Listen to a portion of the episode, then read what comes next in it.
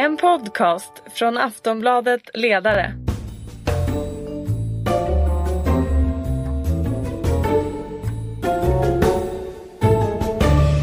Så var det dags igen. Lönedags. Vi skriver 2016 och just 2016 är ju året när det förhandlas om lönerna för nästan alla svenska löntagare. Och det är precis det ämnet som podden Lönedags från Aftonbladets ledarredaktion ägnar sig åt. I studion har jag som vanligt två av landets absolut mest erfarna arbetsmarknadsjournalister. Susanna Lundell som är chefredaktör för tidningen Kommunalarbetaren och Tommy Öberg som bland annat, bland mycket annat skulle man kunna säga, varit chefredaktör för Arbetet och nyligen skrivit en bok om svensk lönebildning. Ni är jättevälkomna. Tackar. Tackar. Idag har vi också med oss Daniel Svedin som ju har varit eh, borta några, några utav lönedags men Mm. som i vanliga fall precis som jag och Ingvar Persson skriver, arbetsmarknad, skriver om arbetsmarknad för Aftonbladets ledarsida. Eh, och ni som lyssnar är förstås också väldigt välkomna. Det har hänt en del sedan vi träffades senast får man väl säga. Eh, inte bara jul och nyårs eh, historier. Industrifacken och eh, Kommunal har växlat lönebud med arbetsgivarna. Facken i 6F har eh, lagt ett eget bud. Och den förre chefen för Medlingsinstitutet, Klosteråt, Stråth, eh, har varnat för att den svenska lönebildningen kan vara hotad. Och vi kommer tillbaka till allt det där naturligtvis. Men vi måste nog börja med Aftonbladets granskning av fackförbundet Kommunals affärer. Eh, Susanna, din tidning vänder sig ju till precis Kommunals medlemmar. Hur har reaktionerna varit? Det har varit väldigt mycket reaktioner. Man kan säga att det har varit två falanger. De som är väldigt arga och ledsna och säger att vi ska gå ur Kommunal.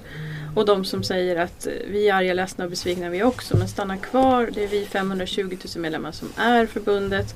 Och eh, stanna kvar så kan vi förändra det som har varit dåligt, som inte har fungerat, eh, som, där man har brustit. Det är den möjlighet vi ska ta. Vi blir ett försvagat förbund, ett försvagat fack om, om alla går ur. Och de som förlorar på det är ju ytterst medlemmarna. Nu, nu är det ju inte medlemmarna som har gjort fel här, den stora massan, utan man bör istället titta på var och varför det har blivit fel. Men det är en känslig situation när en sån här sak händer naturligtvis. Absolut, det är det ju. Jag kan inte påminna mig om något liknande under mina 20 år som, som journalist och chefredaktör. Eh, och inte heller om den mängd eh, kommentarer och så som vi får från läsare på k.se.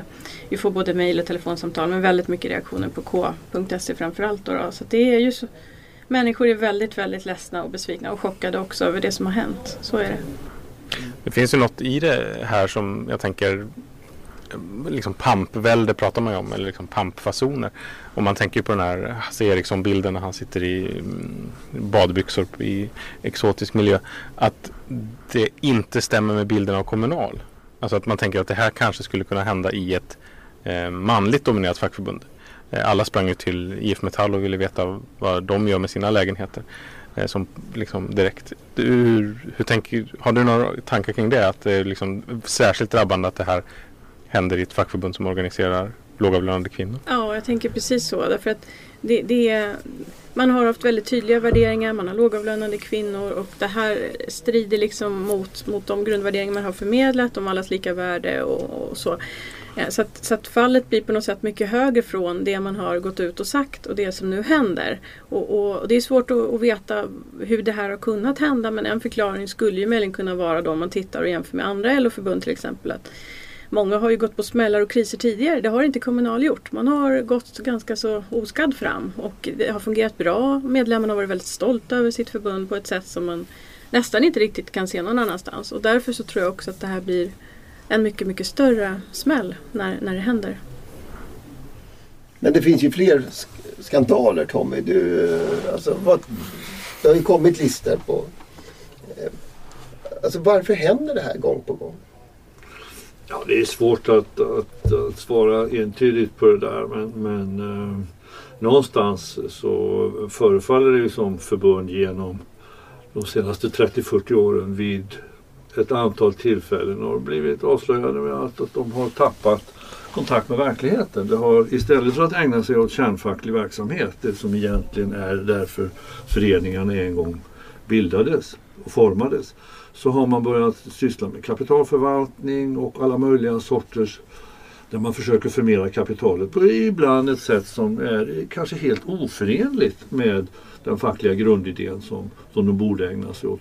Alla kommer väl ihåg hur det har varit med 80-talet med traktamenten för folk som bara gick ut ur huset som en slags löneförmån. Det var lägenhetsaffärer inom Metall på den där tiden och de skärpte upp sina regler. Representationsregler som jag kommer ihåg ifrån början av min karriär där det var relativt vanligt att det bjöds på sprit, vin, öl vid massvis med konstiga tillfällen. Och det försvann så vitt jag kommer ihåg för 25-30 år sedan. Och så får vi veta nu 2016 att Kommunal har kvar en del utav de här konstiga, generösa representationsreglerna och annat. Vilket verkar som, har de ingen koll på vad de andra har gjort? Så att det är lite svårt att förstå varför deras eh, regler såg så annorlunda ut. Ja, det här kommer ju att fortsätta sannolikt. Vi får väl, eh, får väl se var vi, var vi hamnar. Men eftersom det är avtalsrörelsen som är, är ämnet för den här podden så kan man ju fundera. Eh, det har ju förekommit eh, en del spekulationer om att det här skulle påverka avtalsrörelsen. Mm. Ja precis. Eh, I lag och avtal skrev ju Lennart Krisa som är chefredaktör att det här skulle bidra till eh, Ja eftersom man måste ja, vad ska man säga, vinna medlemmarnas förtroende igen. Att det kommer bli storstrejk. Att Kommunals enda sätt att liksom ta, återta initiativet är att eh, ja, helt enkelt dra igång en jättekonflikt. Och jag tänker på det också när man ser intervjuer med medlemmar som har lämnat.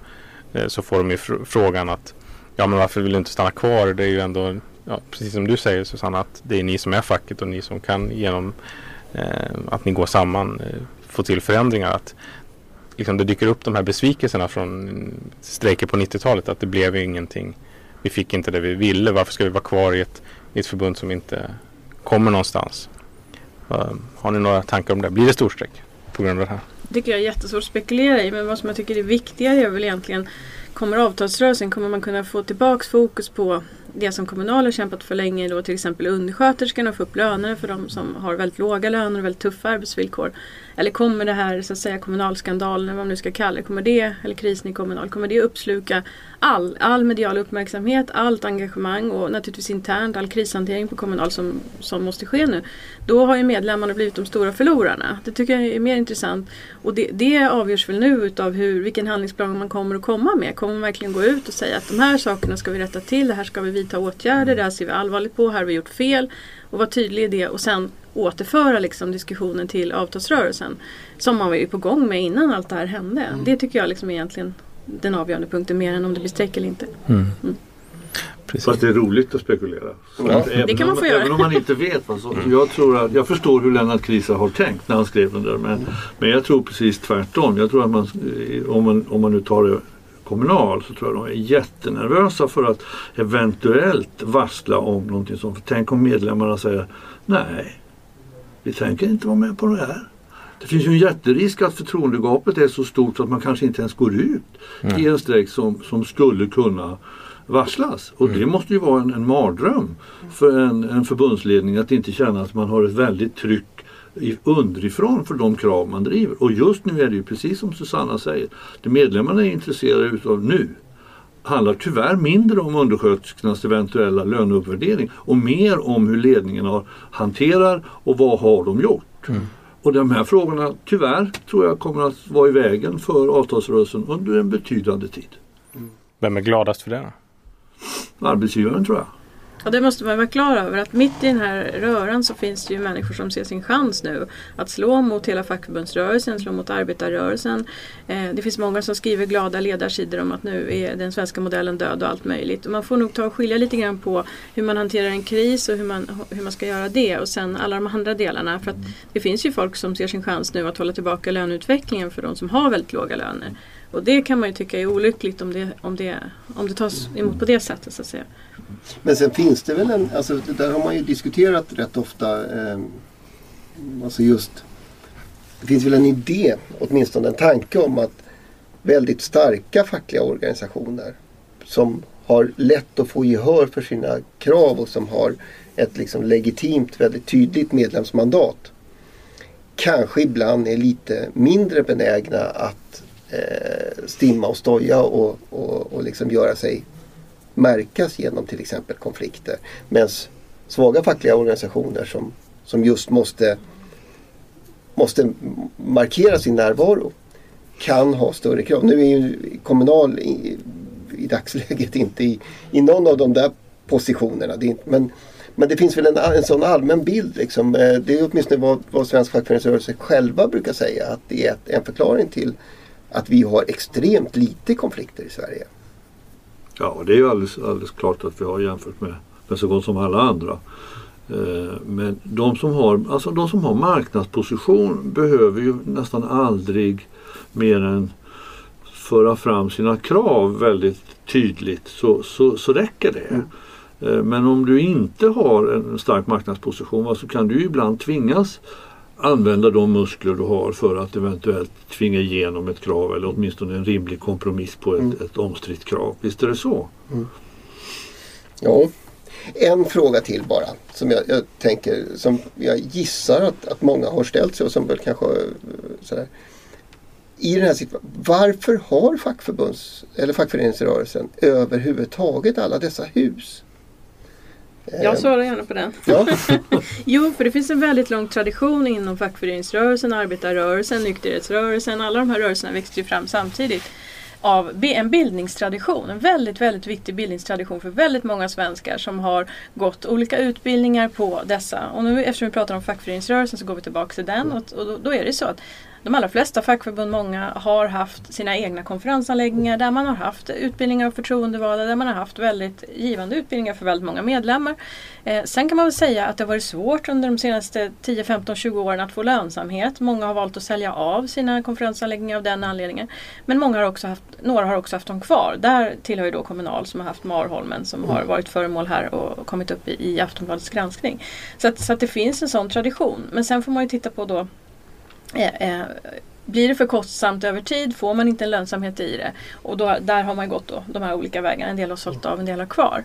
Men det är viktigt tror jag och det, det kan jag känna är lite olyckligt i den här debatten att det inte har kommit fram tydligare att det faktiskt finns så att säga, en god tanke som har kommit alla medlemmar till del. Det har jag saknat i debatten. Och husen, för, och det där är konferensanläggningarna, och hus, men husen i Stockholms innerstad? Det har ju varit för att investera medlemmarnas pengar för att kunna ha en strejkkassa och kunna gå ut i strejk. Och det är också någonting där man har så att säga velat se till att ett, ett förbund som ska kunna vara rikt och representera sina medlemmar måste också ha råd att ta ut medlemmarna i strejk. Och då har ju fastigheter varit en relativt säker investering över lång tid som många också har gjort, inte bara fackförbund utan även andra organisationer. Så, att, så, att, så långt är det väl fine. Sen handlar det mer om vad har man haft för policies för vilka får bo här. Där finns det förbund som till exempel Unionen som har varit tydliga med att här får man bo så länge man jobbar för Unionen som förtroendevald eller annat och eh, den dag man slutar så upphör kontraktet. Alltså, det går ju att hitta tydliga regelverk i, i, i hur man så att säga, fördelar lägenheterna. Så, att, så att det finns, där bör man bena upp och titta på de här olika. Det är lätt att man bara säger lyxvåningar i Stockholms innerstad. Och så. så är det ju inte för det är samma sak här. Det finns en lång tradition där förtroendevalda har behövt ha någonstans att bo. Därför när de har blivit valda till en position inom ett fackförbund inom till exempel Kommunal så har de haft familj och så kanske i Norrland eller i Skåne. Och för att kunna jobba för medlemmarna så har man behövt ha en övernattningslägenhet i Stockholm, ett boende i Stockholm. Och, och så så, att, så att det, är ju, det är ju inte de stora pamparna och lyxrenoveringarna och lägenheterna på det sättet. Som man, utan det har handlat om förtroendevalda som behöver jobba. Mm. Men regelverket måste vara tydligt för vad som gäller. Och det, det har vi ju kunnat se nu att det inte alltid har varit i alla delar. Ja, men jag tänker just, just med sikte på avtalsrörelsen så kan det vara värt att komma ihåg det där att, att det här är strejkkassorna i mm. princip som är placerade i de här husen och tanken är lite grann att att man går iväg med ägarbeviset till banken och kan låna på det rätt omedelbart. Yes. Eh, om, om man måste betala ut Absolut. ersättning. Så det, Absolut. Husen är inte köpta i första hand för att logera eh, utrikesministrar eller andra. Nej. Och i de delarna har ju det är som Susanna säger, det, det, ju, finns ju två skäl. Mm. Alltså det ena är ju liksom för att kunna låna vid en eventuell konflikt och i övrigt för att kunna erbjuda de som väljs på kongresser till eh, förtroendeuppdrag i förbunden att de ska ha någonstans att bo. Ja och i de delarna har ju de här investeringarna varit lyckosamma. Det kan man ju titta om man ser hur lägenheten har ökat i värde i Stockholms innerstad. Att där har man ju gjort kloka placeringar. Så det bör man ju också säga. Mm. Att, mm. Mm. det återstår att se hur det här utvecklar sig. Fortsättning följer brukar det ju heta. Och, och, eh, tillbaka till, för det händer ju som sagt en del annat också. Eh, som, jag, som vi pratade om så buden kom ju här precis innan jul och växlades. Eh, facken lämnade sina bud, arbetsgivarna lämnade sina motbud både, både på den kommunala sidan och, och på industrin. Eh, industrifacket vill ha 2,8 procent, det visste vi. Eh, Kommunal vill ha ett extra eh, till, tillägg för, eller vill ha ett påslag för undersköterskorna, det visste vi också. Eh, dessutom sen vi träffades senast så har Byggnad, Seko och de andra facken i 6F eh, visat sina egna kalkyler och de tycker att det finns utrymme för eh, 3,2 procents löne, lönelyft. Plus ett låglönetillägg.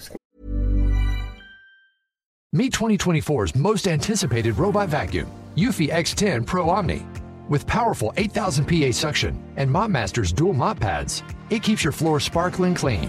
It's the winner of five Best of CES awards, and Digital Trends says it boasts almost all the same features as robot vacuums that cost twice as much. Want to know more? Go to eufy.com, that's E EUFY.com, and discover X10 Pro Omni, the best in class all in one robot vacuum for only $799. säga. Eh, det sista visste vi som sagt inte. Tommy eh, överraskad. Eh, inte särskilt. Det var det man kunde vänta sig. Ja, alltså på tiondelen så, så är det svårt att veta om det skulle bli 2,9, 3,3 eller 3,2 som det nu blev. va. Men, men att det skulle bli ett annat krav än det industrins fackförbund hade formulerat. Det var väl ganska tydligt ganska tidigt eftersom man så kraftfullt underströk att samordningen har upphört. Det finns ingen bindning vid nå- något sånt här krav nu. Och det tolkade åtminstone jag som att nu kommer det ett annat krav ifrån 6F. Och det gjorde det ju också. Kommer de få gehör för det?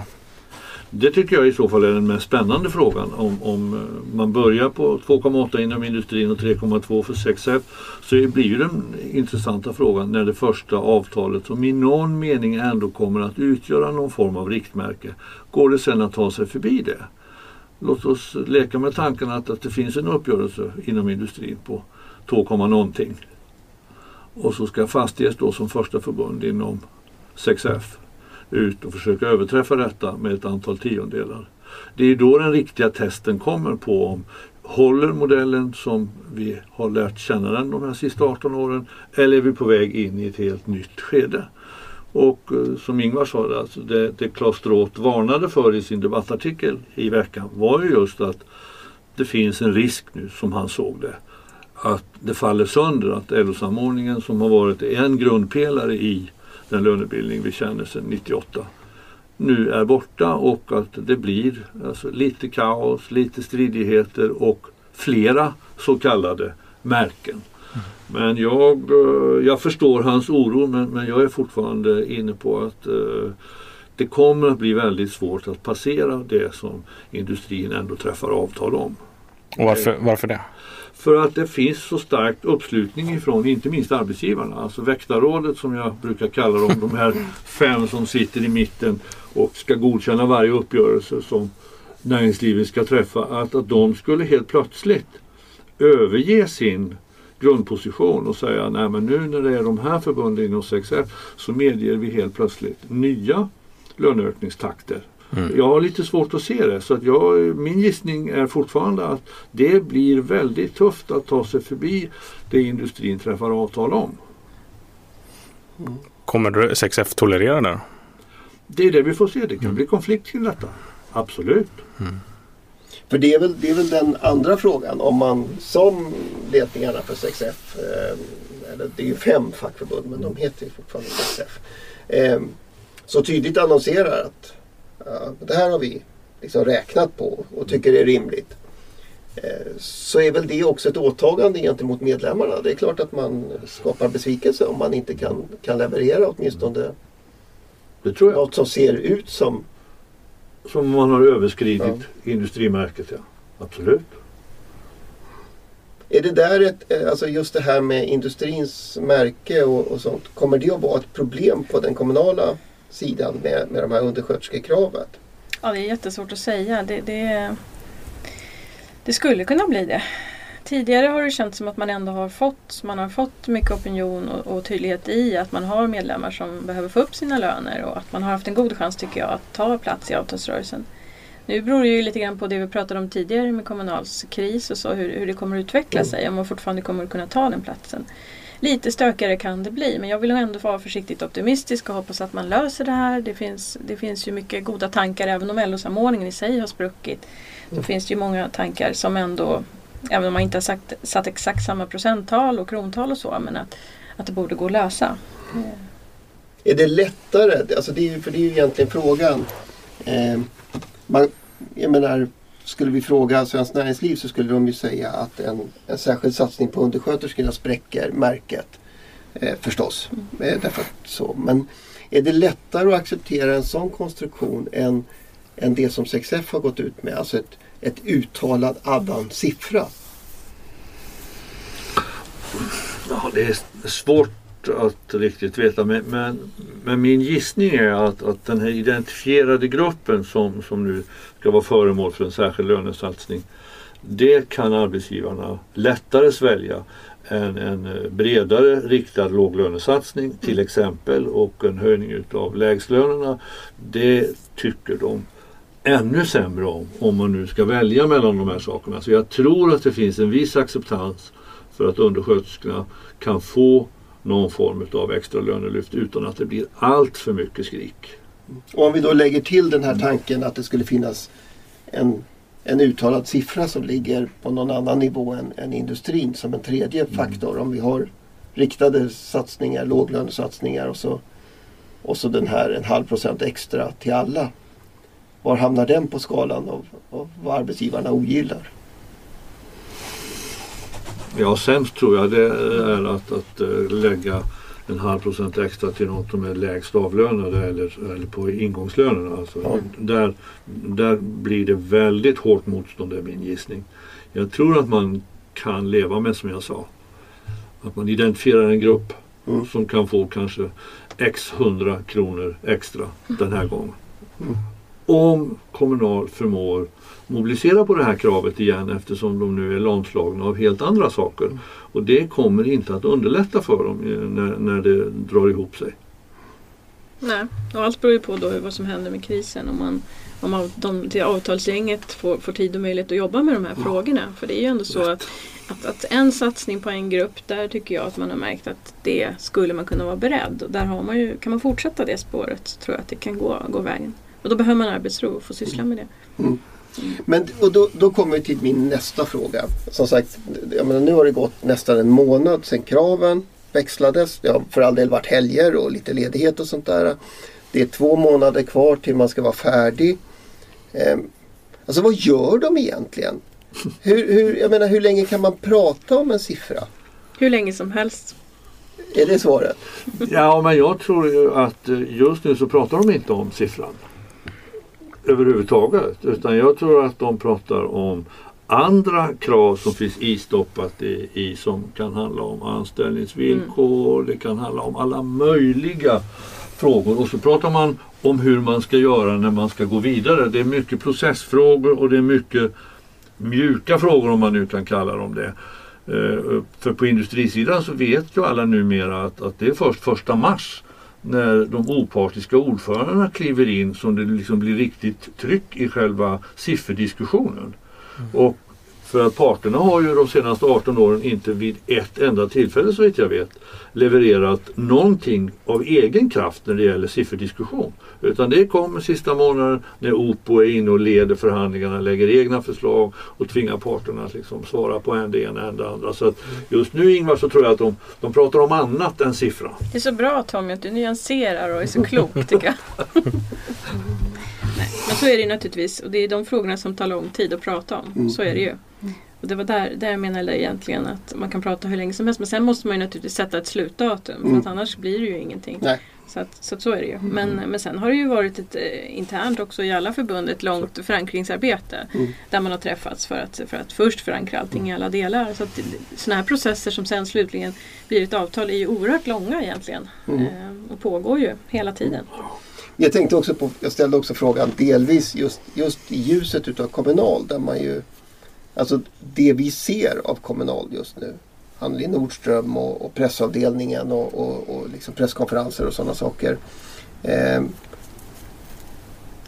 det, det, är ju det, det är lätt att uppfatta att det är det som är Kommunal. Men de som jobbar med själva det här pratandet om avtalet det är ju andra människor. Det är helt andra människor.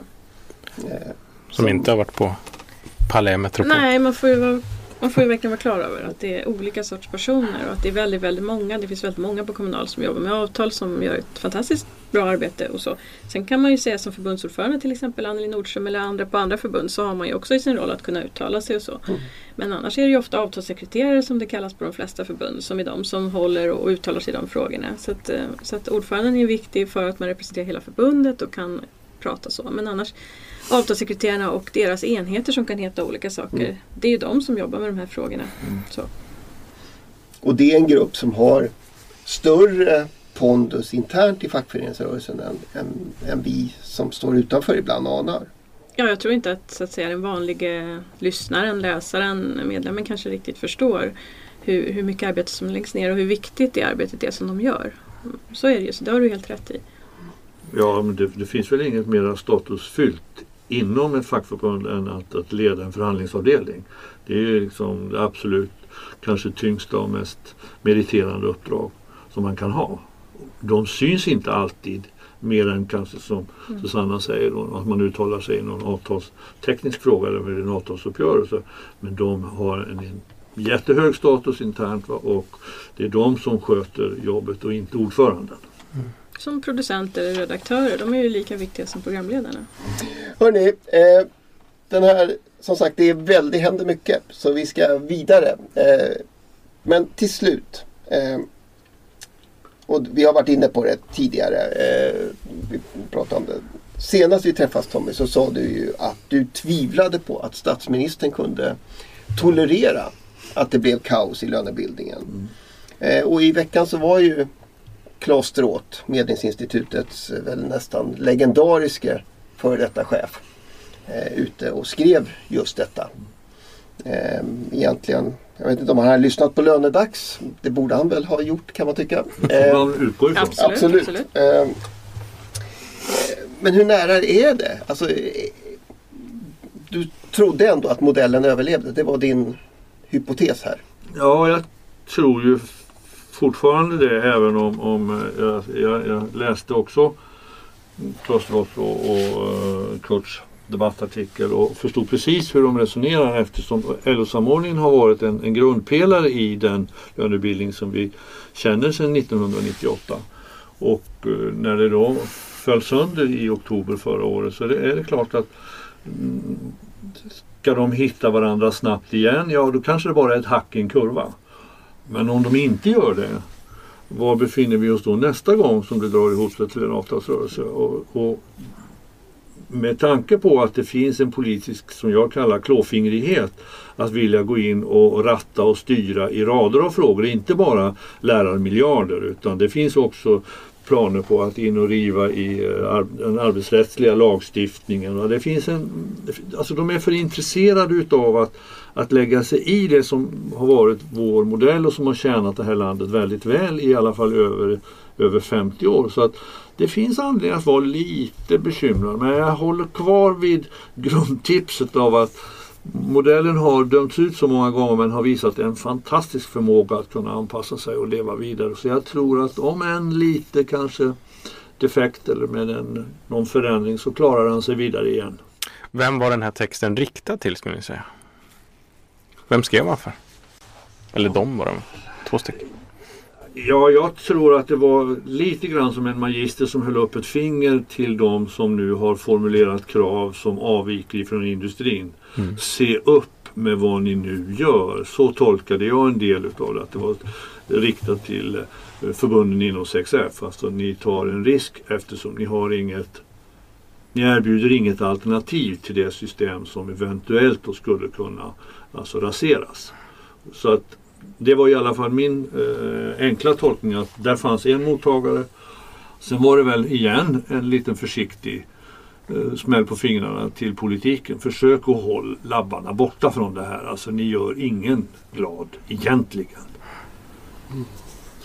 Men där, alltså en, en, en fråga, det finns ju flera frågor som man vissa skriver. Men, men en fråga som ju slår mig, eh, alltså på Aftonbladets ledarsida tycker jag att vi har argumenterat för LO-samordning bland annat just med det här argumentet under, under ganska många avtalsrörelser och både, mot, både gentemot fackföreningsrörelsen men inte minst mot, mot arbetsgivarparten som, som liksom inte har värdesatt fackföreningsrörelsens sammanhållning och ansvarstagande.